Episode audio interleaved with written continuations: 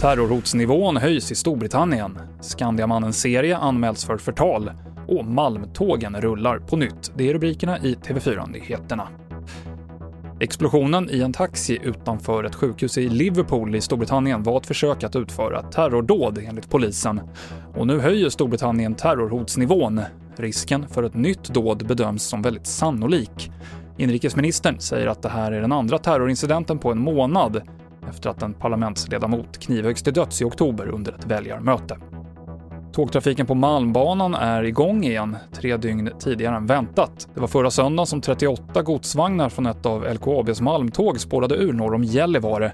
Arbetet med rensningen och reparationerna av rälsen och banvallen skulle vara klart natten till torsdag, men redan i morse så rullade tågen igen. Nu är förkylningssäsongen igång och många vänder sig till apoteket för att få stopp på slemhostan. Förra året köpte vi svenskar receptfria hostmediciner för 300 miljoner kronor. Men enligt läkaren och forskaren Lennart Hansson vid Lunds universitet så var det helt onödigt. Medicinerna fungerar helt enkelt inte. Det, det finns inga läkemedel som idag som har genomgått så säga, modern vetenskaplig prövning utan det är gamla studier, små studier, lite tveksamma studier och så vidare.